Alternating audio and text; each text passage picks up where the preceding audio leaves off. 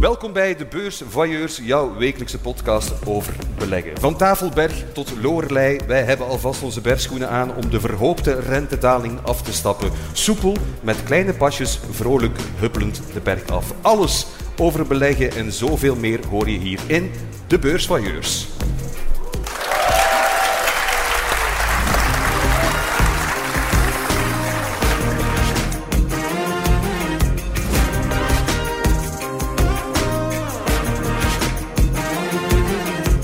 Ja, we zijn vandaag ook een beetje financiële matu vu, want we staan dus open en bloot op de mooiste financiële beurs van ons land, Finance Avenue, voor een live publiek.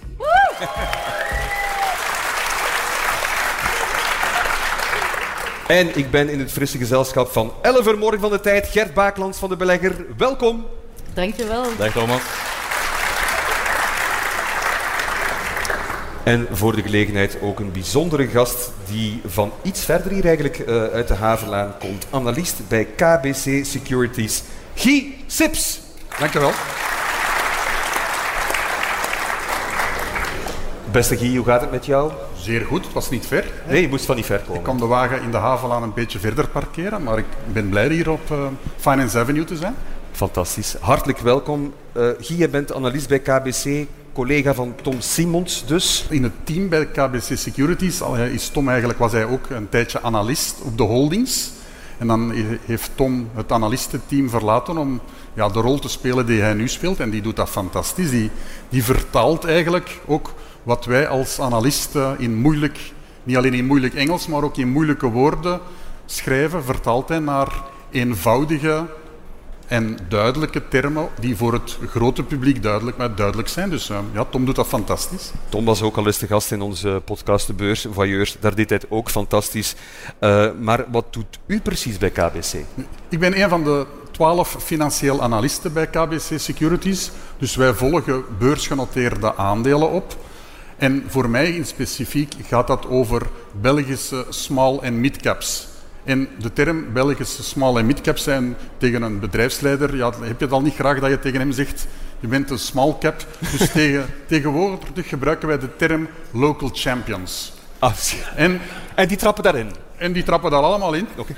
Maar het, het mooie daarvan is, ik volg eigenlijk een, een, een zestiental bedrijven op. En dat, dat gaat van over een hele waaier van sectoren. Dat gaat over bedrijven als Materialize, Melexis, maar ook Lotus Bakeries, Mico, EVS. Um, dus echt wel een, een hele waaier, hè, Barco. Oorspronkelijk had ik gezegd, hè, de, de, coverage die ik opvolg is Barco of kleiner. Maar sommige van die bedrijven, zoals uh, Lotus Bakeries, die ik dan al ja, 17 jaar opvolg, ja, die zijn dan ondertussen wat groter geworden. Dus uh, ja, maar dat maakt het wel, wel leuk. Guy, hoe ben jij in de financiële sector terechtgekomen? Ja, dat is eigenlijk een, een, een beetje een, een, grappig verhaal. Dat heeft te maken met, mijn, met, mijn, met de thesis die ik gemaakt had. Ik had een thesis die ging over levert uh, uh, snel beleggen of snel reageren op de beleggingsadviezen van beursbladen, levert dat uitzonderlijk rendement op. En in die tijd waren er drie grote beursbladen. En ik spreek de de, de belegger was de grootste. Je had Budget Week en Swing Trend. En uit mijn studie kwam er eigenlijk uit dat ja, je gemiddeld 2% dat die aandelen de eerste twee, drie dagen na hun adviezen 2% beter deden dan het beursgemiddelde. Nadien epte dat, die outperformance een beetje weg, maar er was echt wel een, een, een duidelijke outperformance. Nu, in die tijd was uh, Patrick Nollet, momenteel bij de VFB, was de, ja, de, de, hoofdredacteur van De Belegger. Die was, had het snode plannetje om eigenlijk die studie te gaan gebruiken om te zeggen van De Belegger is het beste beursblad, want hun outperformance was iets groter dan de twee andere. Had er ook mee te maken dat zij meer lezers hadden dan de twee andere beursbladen. En ja, die, die hadden daar dus een hele marketingcampagne mee opgezet. Wat natuurlijk de ja, swingtrend, die dan het, huidige um, inside beleggen, ja, die, die, die, die riepen eigenlijk op het matje en zeiden van zich, um, hoe komt dat dat, ge, uh, ja, dat wij er zo wat minder goed uitkwamen? En toen zei die hoofdredacteur de, ja, de, de beruchte woorden van, ja, als je dan denkt dat je het beter kunt, komt hier dan maar, begint dan maar. En letterlijk, dat was, de meeting was op een vrijdag en maandag, zonder contract, zonder iets, stond ik daar met mijn boekentasje klaar uh, ja, om, om het bureau binnen te gaan. En dan heb ik daar een week gewerkt en vrijdags heb ik dan een, een contract getekend. Wow. idee. Ja. Zeer fijn om je al wat beter te leren kennen, Gies Sips. Uh, we gaan eraan beginnen. En beginnen doen wij altijd met terugblikken. De beursblik. Gert, ik ga eens met jou beginnen. Uh, als je daar zin in hebt, tenminste om van wel te steken. Wat heb je meegebracht? Er is veel te vertellen natuurlijk, hè, maar uh, even teruggeblikt. En wat mij bijzonder is opgevallen, het woord deflatie duikt terug op. We komen uit een periode van enorm hoge inflatie. Hè? Uh, maar nu, en veel sneller dan verwacht, denk ik, de inflatie is aan het dalen. Hè? We zien het allemaal gebeuren. Uh, maar nu een Walmart, de CEO van, van Walmart, die zegt van kijk, de komende maanden in onze winkels zou kunnen dat uw winkelkar dat die goedkoper wordt. Kijken we naar China, daar spreekt men al iets langer van deflatie. Kijken we naar de Duitse producentenprijzen, want dat startte toch allemaal. Dat is al enkele maanden aan het talen. Dus goed, ik wil niet te ver uitweiden over het macro-economische en centrale bankiers, maar het lijkt toch wel dat centrale banken een stukje economische groei hebben opgeofferd hè, door die renteverhoging om die inflatie naar beneden te krijgen. Goed, dat blijkt aan het lukken te zijn. Uh, dat zal ook niet lineair zijn. Misschien is het morgen weer anders. Hè. Dat is weer een andere discussie. Maar wat ik hier graag op tafel wil gooien, is toch wel van uh, in de groep gewoon, hè, laten we het ons discussiëren, die, er was deflatie, we gaan snel naar heel hoge inflatie, er wordt terug voor het eerst gesproken over deflatie. Hoe lang gaat het nog duren, want dat is wel interessant, dat men terug gaat spreken over TINA. U weet wel, there is no alternative. Want ik hoor daar terug opnieuw over de staatsbond spreken. Hè. Op acht jaar, wat, wat zal het zijn? 2% netto ongeveer. Goh, als ik zo gewoon in, Brussel kijk, dan zijn er heel veel aandelen die zelfs meer dan 2% netto geven, veel zelfs, en die elk jaar in staat zijn om dan nog een stukje te verhogen. Dus hoe lang gaat het duren wanneer Tina terugkomt dansen eigenlijk? Uh, ja, wel, nee, dat ik het, uh, dat ik het ook ja, een, een, een wonderlijke uh, evolutie vind, dat we misschien sneller ons Tina, die wij als beleggers liever zien dan ons Tara, hè, there are reasonable alternatives, dat we die wel misschien sneller zouden kunnen terugverwachten. We hebben deze week een beetje een, een kentering in het sentiment gekregen, in die zin dat de geldmarkt nu toch sneller dan we dachten renteverlagingen in de kaarten ziet. Eh, de verwachting is nu dat de Fed eh, in mei al, dat is niet meer zo gek veraf, eh, een eerste renteverlaging zou doen. En dat de ECB volgend jaar met niet minder dan 100 basispunten de rente zou verlagen. Ja, dat zijn eigenlijk scenario's waar we... We hadden dat Tafelberg-scenario in gedachten, waar we lang op dat plateau gingen blijven hobbelen met langdurig hoge rentes, dat we misschien toch een iets snellere afdaling van de rente zullen hebben. En de rente als zwaartekracht voor, voor alle activa. Natuurlijk, morgen kan het, kan het weer anders zijn, hè? maar je hebt toch wel die impact gezien op de beurzen. En niet alleen op die obligatiemarkten, maar ook op, op de aandelenmarkten. En dan vooral die, ja, die, die, die rentegevoelige aandelen. Maar bij uitbreiding eigenlijk ook de kleine en middelgrote bedrijven. De Russell 2000, de twee grootste ja, small- en midcaps op, op, op Amerikaans niveau. Die dag dat de Amerikaanse uh, consumentenprijsindex, de inflatie, werd bekendgemaakt, plus 5 procent. Heel lange tijd verwaarloosd geweest. En dan vraag ik ons af van, van ja, mogen we ons verblijden op een revival van Brussel, hè, dat toch wel het mekka is van kleine en, en, middelgrote bedrijven. Ja, ik denk dat dit ook heel belangrijk is, die renteverlaging, dat, dat ik ook probeer de link te leggen van hoe komen nu al die analisten aan die verdomde koersdoelen. Want ja, de koersdoelen op een bepaald moment lezen jullie die en zeggen die van ja, die zijn zo hoog. En, en hoe komt eigenlijk een analist aan, aan een koersdoel voor een aandeel? Dat heeft dan te maken met onze waarderingsmodellen. En wij waarderen eigenlijk aandelen op drie manieren. Enerzijds gaan wij een, een aandeel vergelijken met zijn sectorgenoten, de peer group. Als die Amerikaanse sectorgenoten dan in waarde stijgen, dan is dat positief voor onze vergelijkbare aandelen. Een tweede manier is, we gaan het bedrijf in stukjes gaan knippen. We gaan Ehm, als dat bedrijf bestaat uit vier onderdelen, dan gaan we elk onderdeel apart waarderen en gaan we zo eigenlijk een sum of the parts waardering komen. En een derde waardering is eigenlijk een discounted cashflow methode. Gaan we eigenlijk de winsten die het bedrijf in de toekomst gaat halen, gaan verdisconteren naar nu. En welke discontofactor gebruiken wij daar? Dat is eigenlijk wat wij dan de weighted average cost of capital noemen. Een heel moeilijke term. De WAC, maar, om het kort te zeggen. Maar de belangrijkste onderdeel in die WAC is die risicovrije rentevoet. In het begin van het jaar gebruikten wij als analisten binnen KBC Securities een risicovrije rentevoet in Europa toen van 1%. Vandaag is dat 2,75%. Dus dat heeft een enorm impact op de koersdoelen die wij hebben. Omdat je gewoon aan een veel hogere uh, WAC moet gaan verdisconteren. Dus vooral voor bedrijven waar de winsten ver in de toekomst liggen, heeft dat een enorm negatieve impact. En ik heb eens nagekeken, ik heb vandaag voor geen enkel van de bedrijven, die, of uh, met uitzondering van één, um, een koersdoel dat hoger is dan in het begin van het jaar. Het enige uitzondering is EVS. Omdat ze echt wel heel, een heel fantastisch 2023 hebben gereden.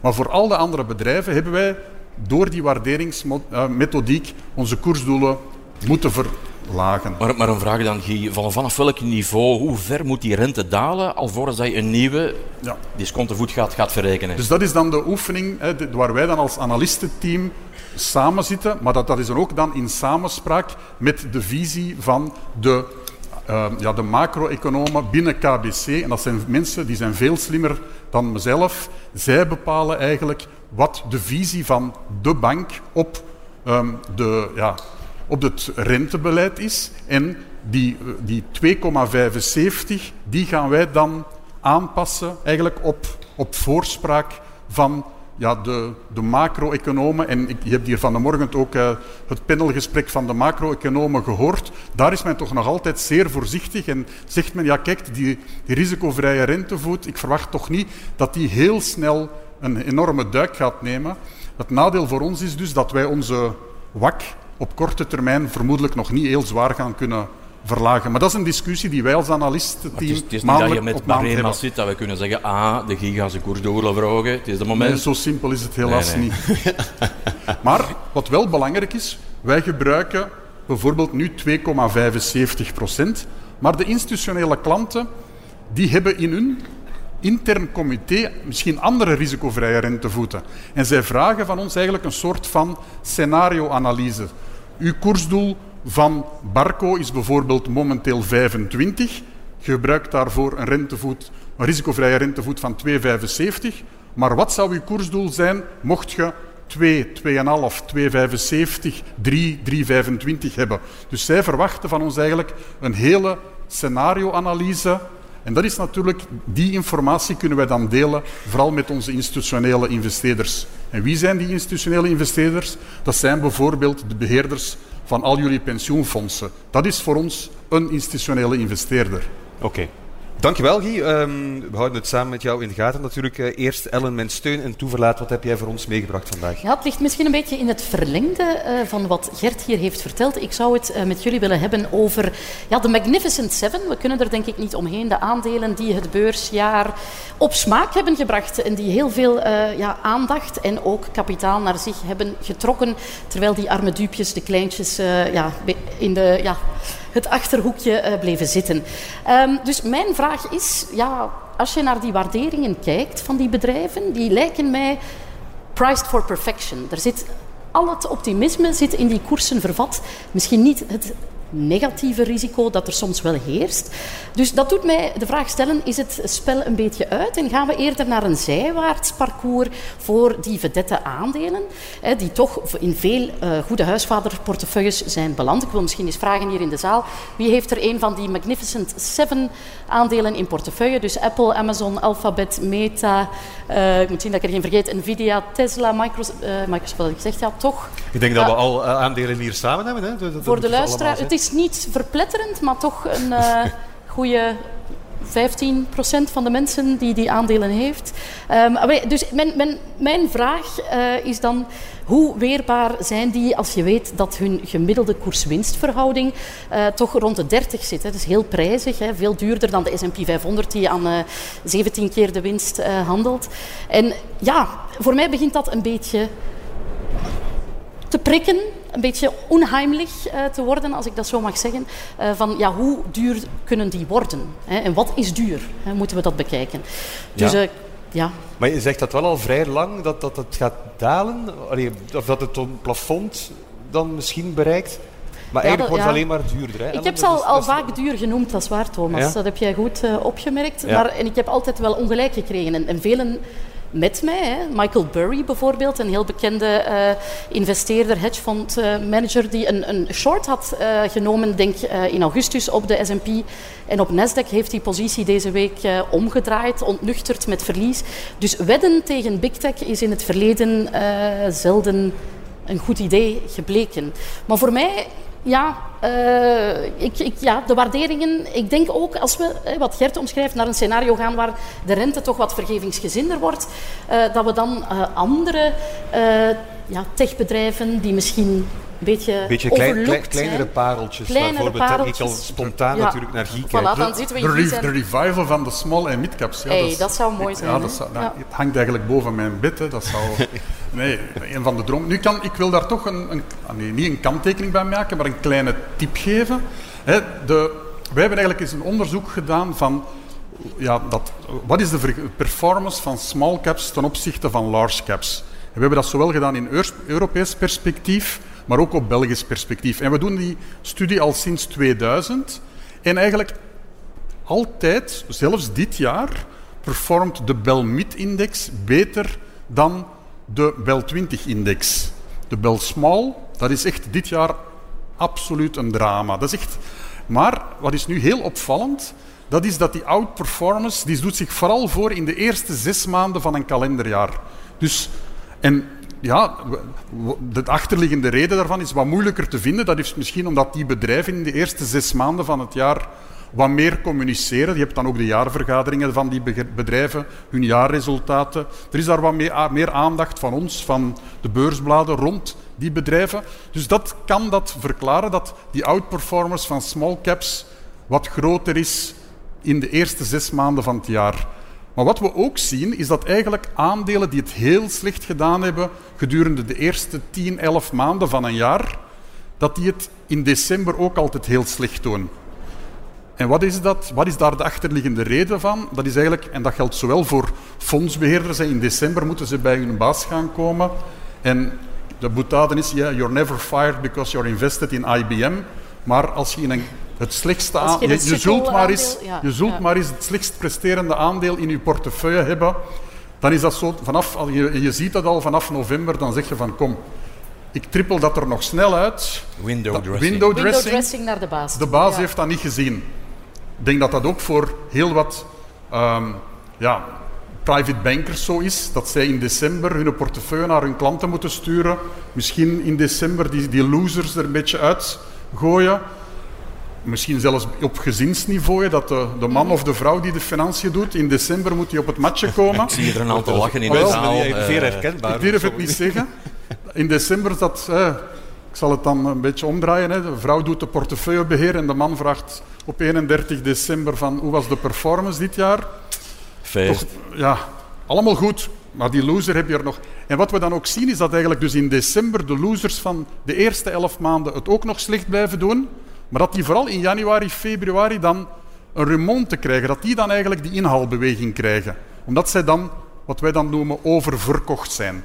Dus dat kan een kleine timing-tip zijn. Interessant, ja, zeker wel. Hey, over naar jou, u was al bezig, Guy. Wat heb jij meegebracht voor ons vandaag? De afgelopen week, en dat was dan ook een beetje in het verlengde van wat hier al verteld was, zijn er een aantal capital market days geweest. En wij hebben altijd de indruk dat bedrijven te veel gefocust zijn op het verleden, dat ze dat naar de investment community, naar de analisten communiceren, dat ze naar het verleden kijken, naar gisteren, naar gisteren of dat ze het hebben over morgen, van ja, wat gaan onze resultaten het volgende kwartaal zijn, maar dat ze heel weinig kijken naar the day after tomorrow. He, een van de mensen waar ik enorm naar opkijk, dat is Peter Hinze. The Day After Tomorrow is een van zijn, van zijn boeken. Ja, dat, dat is eigenlijk de visie die een bedrijf heeft van hoe zien wij de toekomst, niet over zes maanden, maar wel over één, twee, drie jaar. Welke producten gaan wij klaar hebben, niet over zes maanden, maar in de langere toekomst. En dan roepen die bedrijven eigenlijk de analisten en de investeerders bij elkaar. Dus dinsdag uh, werden wij allemaal samengeroepen richting uh, IPER, om daar een Capital Markets Day van Melexis te doen. En daar heeft Melexis eigenlijk heel duidelijke benchmarks gegeven van hoeveel winst dat, of hoeveel omzet dat zij verwachten in de komende tien jaar. Automotief zien zij binnen Melexis sneller stijgen dan de markt. Zij zien dat met 10% stijgen, omdat zij daar vooral in de EV, dus in de electric vehicle markt, meer willen gaan investeren. Beyond automotive, dus bijvoorbeeld alles wat met robotics te maken heeft, daar de semiconductors zien zij met 15% gaan stijgen. Niet de komende jaar, maar tot 2030. En zij willen dat heel rendabel gaan doen. Zij, hebben daar ook um, gross margins van 45% naar voren geschoven als een minimum en EBIT margins van 25%. Dus ze geven daar eigenlijk lange termijn vooruitzichten en dan zie je dat dat ook de markt enorm geruststelt. Een dag later, bij Barco, werden de, de sell-side-analisten bij elkaar geroepen om hetzelfde soort ja, visie op de toekomst te hebben. In, de innovatie van Barco werd daar eigenlijk naar voren geschoven. Werden daar een zevental nieuwe producten getoond voor de eerste keer aan analisten. Die, die innovatiedirecteur die was dan schijnt enorm enthousiast, heeft He? onze analist mij verteld. Ja, en eh, ik, ik ben daar enorm van onder de indruk welke producten dat Barco klaar heeft, niet voor ja, niet voor over zes maanden, maar we hebben daar bijvoorbeeld een scherm gezien waar een dokter kan achter zitten, waar dat eigenlijk het, het hart letterlijk uitkomt. Een, een 3D-weergave van het hart. En je kon dat met je muis perfect manipuleren. En dus het is eigenlijk een, een 3D-visualisatie zonder dat verdomde brilletje hè, dat, dat, je op moet zetten. En daar is Barco echt al, al mee bezig. En dat is een van de, ja, van de voorbeelden die zij daar aan de analisten aan de investment community toonde. Natuurlijk, dan als analist begint een beetje de rat race. Hè. Dan zie je daar die zeven analisten om ter snelste naar huis rijden, om de, nota, om de nota te beginnen schrijven. Hè. Ik was ongeveer, ik was woensdag 2 na 9 was ik thuis, dus ik had de goal van de Belgen nog net gemist. en dan kon ik hè, aan de nota beginnen schrijven om dan het verhaal van die Capital Markets Day eigenlijk neer te geven. Wat voor mij ook wel belangrijk is, dat is de lange termijnvisie. Dat is de reden waarom dat je vandaag naar dat aandeel moet kijken. Zeer boeiend allemaal. Dank jullie zeer wel. En ook, ook boeiend misschien toch meegeven, heel van die presentaties, ook zoals van Barco en zo. Hè. Mensen kunnen dat op de website van Barco nog bekijken. Hè. Dus met heel die uitleg, al het enthousiasme. Doe dat. Hè. Bedrijven zijn meer toegankelijk dan je zelf zou kunnen denken. Dus je kan zelf je huiswerk maken. Het is niet van ja, uh, ja, exclusiviteit voor, voor analisten en wat dan ook. Nee, mensen kunnen ook dicht tot bij het bedrijf komen en dat dus... Ja, en wat we ook meer en meer zien is dat die bedrijven, als ze zo'n Capital Markets Day organiseren, gaan ze op voorhand een persbericht gaan uitsturen.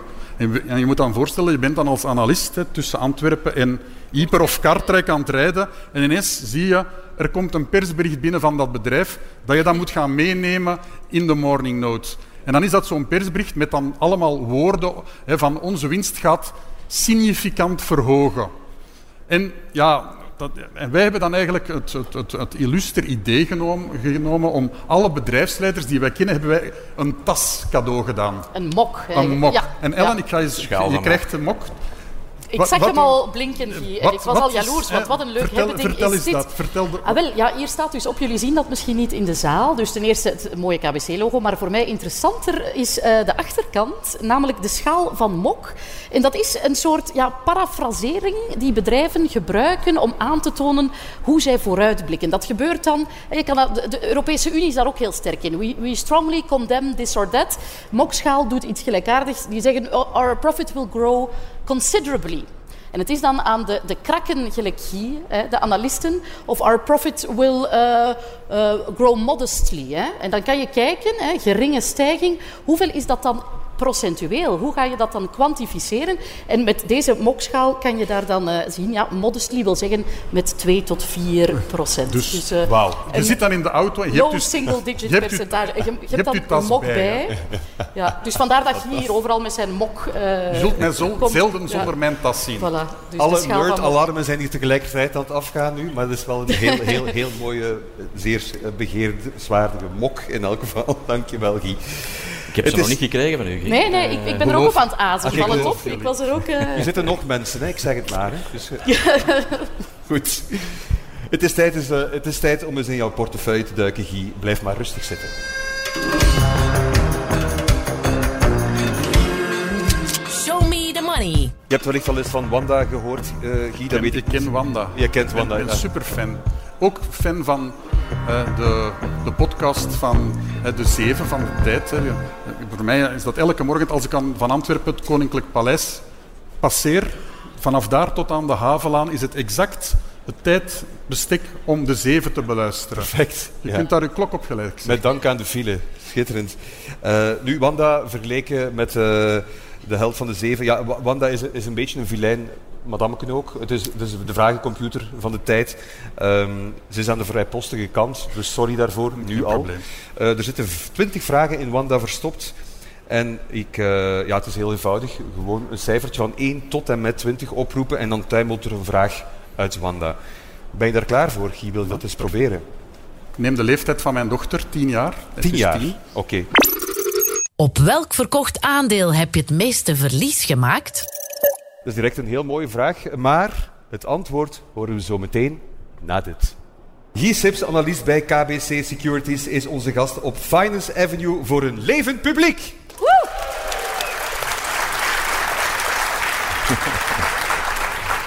En we zijn bij Wanda aangekomen. De eerste vraag van Wanda. Op welk verkocht aandeel heb je het meeste verlies gemaakt? Dan moet ik teruggaan naar de periode dat ik bij Quest for Growth werkte, waar ik als uh, fondsbeheerder aan de slag was. En dat was het aandeel IPTE. En ik zou vandaag niet meer weten wat IPTE dat doet, maar dat aandeel, als ik daarvan hoor, krijg ik nog altijd een beetje rillingen. Want um, er was een moment dat er een, een, wissel van CEO was. Er was een Engelstalige uh, um, CEO die binnenkwam voor de allereerste keer. Philip Furnett, ik zal hem nooit vergeten. En die kwam aan mijn bureau staan en die vroeg IPTE, what kind of company is that? En ik natuurlijk, ja, je bent dan de allereerste keer dat je je nieuwe baas ziet, je bent dan een beetje on, ja, en je wil dan show-off doen, en je wilt laten zien van hoe fantastisch filing systeem ik had. Ik had van alle aandelen een, een, een, mapje met daarin beschrijving, koersdoel. Ja, iedereen een Rolodex zo. Ja. ja. En de, ik, ik doe dus search IPTE. En de eerste file die boven komt was striptease.pps.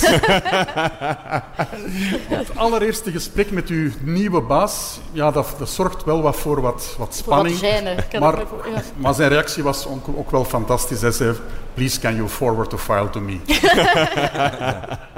Super. Oké. Okay. Nog een uh, cijfertje? Het cijfer 2. Op welk verkocht aandeel heb je het meeste winst gemaakt? Ja, dat, dat, is voor mij een, eigenlijk een, een, een ook, uh, ja, een aandeel dat al heel lang geleden op de beurs stond. Dat, dat was Bernheim Comoffi. Dat zal misschien niemand meer iets zeggen. Maar Bernheim Comoffi, wat deden die? die? Dat was de uitbater van de parkings, bijvoorbeeld hier in Brussel. En de reden waarom dat ik dat aandeel gekocht had, dat was... Ik reed zo graag in die parkings tot op... als je in de parking naar beneden aan het rijden bent, op de min 2, geen enkel plaats. Ja, de min 3. Ja. Maar voor mij was dat dus relaxed. Ik voelde mezelf echt Tof. rijker worden. Oeh, als ik naar de min 6, min 7 moest, zelfs als er geen plaats was, ik reed met plezier die parking uit. En dan is dat bedrijf overgenomen van de beurs en dan ja, dan, dat, dat, was voor mij een van de aandelen waar ik het mooiste rendement had gehaald. Wel financieel, emotioneel wat minder, want nu moet ik, eh, een beetje zoals Ellen, die parking inrijden met de, met de nodige stress.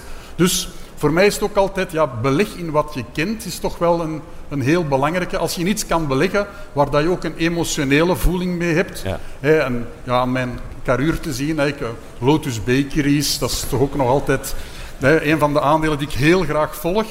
Maar toen mijn dochter geboren werd, ja, hadden mensen gezegd, je moet voor haar een pakketje aandelen kopen. Dat, dat is in plaats van, koop als papa is voor je dochter een, pakketje aandelen. En ik heb haar toen um, een, een ja, Procter Gamble aandelen gekocht. Met het idee van, kijk, elke pamper die ze nu volkakt, investeert ze, investeert ze in haar aandeel. En dus toen ze scheidje rijk. Tenzij het private label ontdeksluiers waren. Ja, dat, het was echt scheidje rijk. Het was scheidje rijk, alleen maar uit. En ja, dus op het moment dat zij uit de pampers was, was, zij, was dat aandeel verdubbeld. Dus, Fantastisch. Goed. Ja. Oké. Okay. Ja, goed gezien. Hè? Ja, Ja, heel ja, goed. Er zijn andere luierbeleggingen die het minder, minder goed eh, hebben gedaan over die periode. En ook ja, een parking. Je bent Antwerpenaar, Guy. Dus eh, die hebben iets met parkings, laat ik mij Ik altijd... woon, niet, ik woon niet in Antwerpen, ik woon op de parking. Ah, je woont op de parking. Vandaar eh, de interesse in parkings. Ja. Nog een cijfertje? Het cijfer 13, het geluksgetal. Welke strategie werkt voor jou niet? Ja, ik ben eigenlijk geen trader. Eén, omdat dat niet mag van KBC Securities. Wij mogen dus zelf niet echt actief beleggen in de aandelen waar we zelf analist over zijn. Maar wij hebben ook een blacklist. Dus wij, ja, wij, hebben een lijst van aandelen waar bijvoorbeeld onze collega's over gaan schrijven of over aan het schrijven zijn. Dus er zijn enorm veel regeltjes voor ons, en maar terecht. Ik vind dat goed. Maar dat maakt het ook wat, ja, wat moeilijk. Dan, dan, dat maakt dus dat ik mijn, ja, het grootste deel van mijn portefeuille inderdaad ehm, stabiel is en dat ik ehm, heel weinig trade.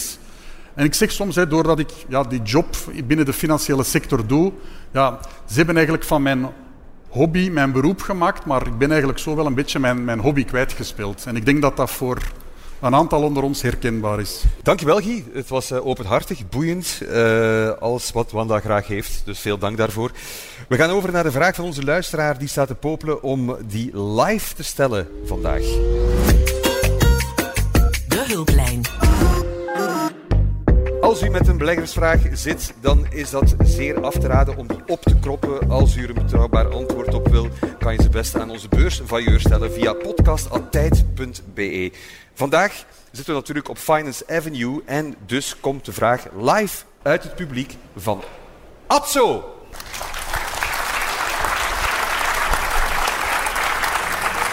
Goedemiddag, beursvailleurs. Dag Hi. Atso. Alles goed? Ja, zeker goed. Allereerst bedankt voor de geweldige podcast. Ik ben een superfan. Ik luister al super lang, al heel veel geleerd. Eh, waarvoor dank. Dat is heel lief. Super. We rekenen zo meteen af ook. Ehm, ben je op vrij- vrijwillige basis naar Finance Avenue Volledig gekomen? vrijwillig. Enige motivatie. En al interessante dingen gezien en gehoord? Eh, ja, zeker, ja, zeker. Waaronder eh, deze aflevering. Oké, voilà. Dan hebben we alles zoals afgesproken. Goed. Heel mooi. Atso. Ja, mijn vraag is, ik ben al eh, twee jaar bezig ongeveer met beleggen. Ik heb mij heel goed ingelezen voordat ik gestart ben. Eh, research gedaan over van alle belangrijke zaken, waaronder welke broker ik zou gebruiken. Ik heb dat eh, vergeleken op basis van gebruiksvriendelijkheid van platform, applicatie, ehm, transactiekosten, ehm, eh, verzekering van cashposities en et. Maar waar ik me minder mee bezig heb gehouden is de fiscale impact van die keuze. Ik heb dus gekozen voor een internationale broker, de Giro. Ehm, nu, mijn vraag is, ehm, het feit dat dat via buitenlandse rekeningen verloopt, wat zijn de fiscale gevolgen ehm, wanneer ik mijn winst of dividenden overmaak naar mijn Belgische privérekening? Heel goede vraag. Ehm, bij een buitenlandse broker, en die zijn zeer talrijk, heb je waarschijnlijk gemerkt eh, de laatste jaren op de markt gekomen. Hè. We hebben de Giro, Bux, eh Maxim, Links, eh, Trade Republic is er onlangs bijgekomen. Ehm, de, ja, je moet het altijd... Dat moet je eerste reflex zijn, maar dat heb je allicht gedaan. Het aangeven in het centraal aanmeldpunt van de Nationale Bank. Dat heet het KAP. Ja, want ze moeten weten dat jij... Dat is verplicht, hè? Dat is verplicht, dus eh Atso, doe dat, eh, doe dat straks als je thuis komt. Je hebt dat nog niet gedaan? ehm, nee. En Niemand hoeft nee. dat te weten.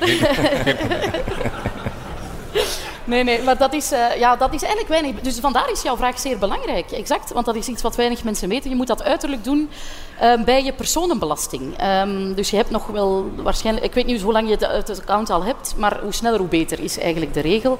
En in je personenbelasting ook aanvinken dat je houder bent van een, eh, van een buitenlandse rekening. En dat klinkt allemaal heel alsof je eh, kapitaalkrachtig, weet ik veel wat. Maar ja, dus, ja, je moet dat vinkje daar zetten. Hè. Eh, het voordeel van met een niet-buitenlandse broker te werken, in mijn ogen, hè, dan denk ik aan Bolero, aan de ING-platform, aan het eh, Rebel van, van Belfius, is eh, dat je ja, dat niet hoeft te doen, ten eerste. En ook dat zij voor jou de beurstaks berekenen. Zij doen automatisch inhoudingen. Allee, dat is een service die ik wel waardevol vind. hè. Je moet het niet allemaal zelf gaan zitten eh, becijferen met je Tandy-rekenmachine eh, daarnaast. Je kan dat eh, eh, ja, door hen laten doen. Ehm, voor de rest, ja, als je geld terugstort, eh, dat weet ik nu niet direct, Gert. Is, Is, daar... is het de Giro Nederland? Dat, dat, eh, Het is een eh, Duitse rekening. een Duitsland- Du- Duitsland. De Giro Duitsland. ja, Flatex de Giro. Dan ja. kan er nog verschil op zijn, want ik dacht, moet dat eens nachecken, hè, maar ik dacht dat in eh, de Giro Nederland dat er wel beurstaks en zo, dat dat voor u geregeld wordt, maar niet in Duitsland. Dus je moet al dat paparassenwerk doen, je moet dat liggen aangeven, dus ook verplicht. Hè. Ik ben Hè? vrij zeker dat de Giro wel al Ja. eh taxenbehandeling doet. Oké. Dan nog schrijf Maar jij je zelf de aangifte moet, moet doen, toch? Hè? Eh, een ander puntje is misschien toch ook wel het vlak van de dividenden. Hè, je hebt aandelen, die, die keren dividenden uit. Ja goed, als het dan over buitenlandse bedrijven gaat, die, die, die roerende verheffing, die wordt eigenlijk niet ingehouden, die Belgische roerende voorheffing. Dus opnieuw moet, heb jij eigenlijk de plicht om dat allemaal uit te rekenen, want dat gaat men niet voor jou doen. En dat te melden aan de Belgische fiscus. En dan wordt het allemaal nog eens moeilijker, want je hebt daar een 800 euro vrijstelling van hè, 30% roerende voorheffing. Daar mag je dan mee rekening houden, maar dan moet je nog eens kijken, heb je nog Belgische rekeningen? In zijn totaliteit eh, ga je toch een, een, een rekeningsje moeten maken, maar ook de administratieve stappen zetten. Je lijkt me nog jong, maar ik ga toch de vraag stellen. Staat er meer dan 1 miljoen euro op? Ehm, helaas niet. Nee. Want anders, anders eh, effectentax, hè, of, of tax op de effectenrekening, zoals men dat correct zegt, eh, dan moet je dat ook nog eens al... eh, dus, maar, maar gelukkig heb je dat niet, dus dat valt mee. Dus, voilà. Dus, eh, Ehm, bedankt. Nee, dat is, inderdaad, dat is een beetje wat ik dacht toen, maar mijn vraag was tweeledig. Ehm, gezien dat ik pas begonnen ben, is misschien nu het moment om dan over te schakelen naar een Belgische broker. Ehm, en, Mijn sponsor eh, kan dat alleen maar beamen. dat dacht ik al. Guy is enthousiast. Guy is zeer enthousiast over dat Ik ook, ik ook. Eh, maar hoe Maar doe je ik moet dat? weten, en dat zal Guy er misschien niet spontaan bij zeggen, dat daar ook kosten bij verbonden zijn. Hè. Je Dat was- kan je effecten laten overplaatsen. Het is niet zo gelukkig dat je al je aandelen moet liquideren en ze opnieuw kopen bij een nieuwe broker, chance. Je kan dat laten eh, overzetten, maar daar gaat een kost mee gepaard. En meestal is die kost, als ik me niet vergis, eh, per lijntje in je effectenrekening. Dus per aandeel dat je hebt, wordt er een kost eh, aangerekend. En een nieuwe broker zal dat in principe voor jou doen. Eh, jou die effecten overbrengen naar, eh, naar Maar- je nieuwe onderdak. Ja. Maar toch heb ik misschien hier goed nieuws. Het is te checken, want ik ben niet 100% zeker. Even te checken. Voor in Nederland, de Giro Nederland, zou je 20 euro per lijn moeten betalen. Ah, ja. Maar ik dacht dat het in Duitsland, even nachecken, gratis was. Dus, eh, dus dat valt nog mee. Ja. Ehm, allee, Ja. dus dat, Dat eengemaakt Europa, waar is dat eigenlijk? Ja, voor? het is- Ah, het is- mannetjes, het is het is erg. een lappendeken. Dus eh, het Maar is misschien- voor elke belegger eh, een lappendeken en een kluwen. Dat is wel jammer. Hè? Misschien toch ook eh, even aanmerken van, allee, ja, heel interessant, beleggers, aandeelhouders, die kunnen naar jaarvergaderingen gaan. Hè? Je moet je laten registreren, dat is, dat is heel eenvoudig hoor. Maar voor de Giro bijvoorbeeld in, in, in Nederland, dat, dat kost 100 euro. In België, voor sommige brokers, is het zelfs gratis. Dus het gaat verder dan alleen maar kosten. Ook, eh, ik zal maar zeggen, inning van dividenden en zo. Ook dat zijn kosten. Er zijn echt heel veel puntjes, 10, 15 puntjes, die je echt moet afchecken. De ene kan misschien belangrijker zijn voor de andere van u. Dat is voor iedereen anders. Maar gaat het allemaal af. Neemt u een tijd ervoor. Doe nogmaals uw huiswerk met de kennis die u hebt. En maak dan uw besluit, zou ik denken. Ja, super, bedankt. Dat zal ik zeker doen. Atso, en als je in, in, de, in de loop van dat alles wat er moet gebeuren nog vragen hebt, dan weet je ons te vinden. Hè? Of toch in elk geval de, de experts in de eerste plaats. Het was een heel erg interessante vraag. Jij weet wat te doen. Dankjewel. Applaus voor Atso. Hey.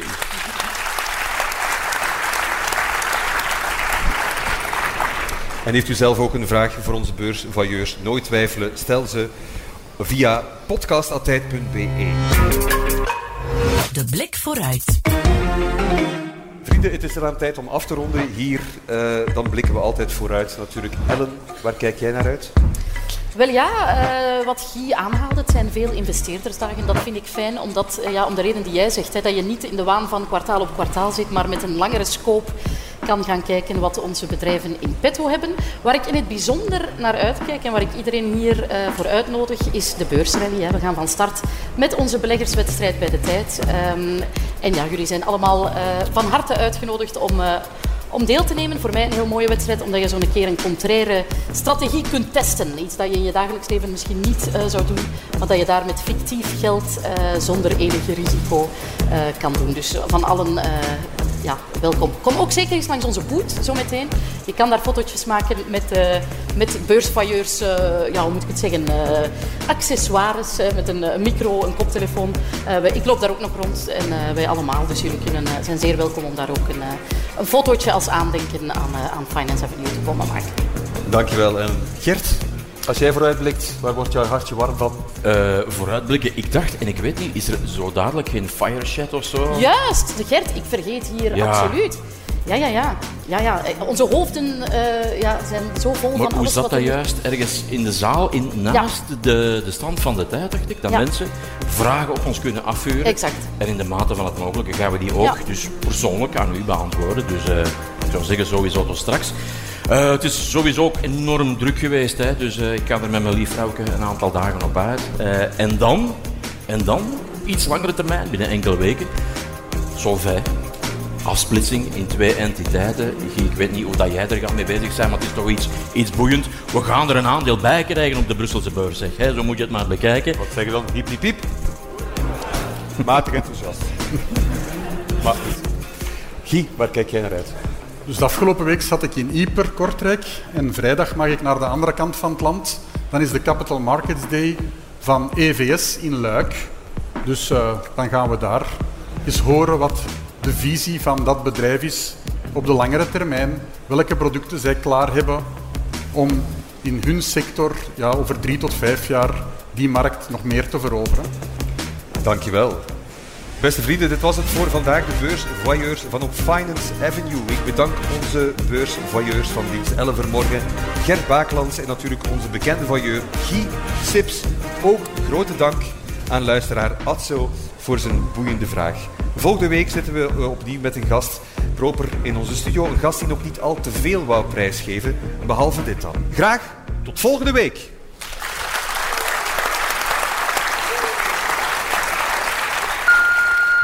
Hallo beursvoyeurs, voetbal en advocatuur. Ja, dat zijn mijn twee dadas.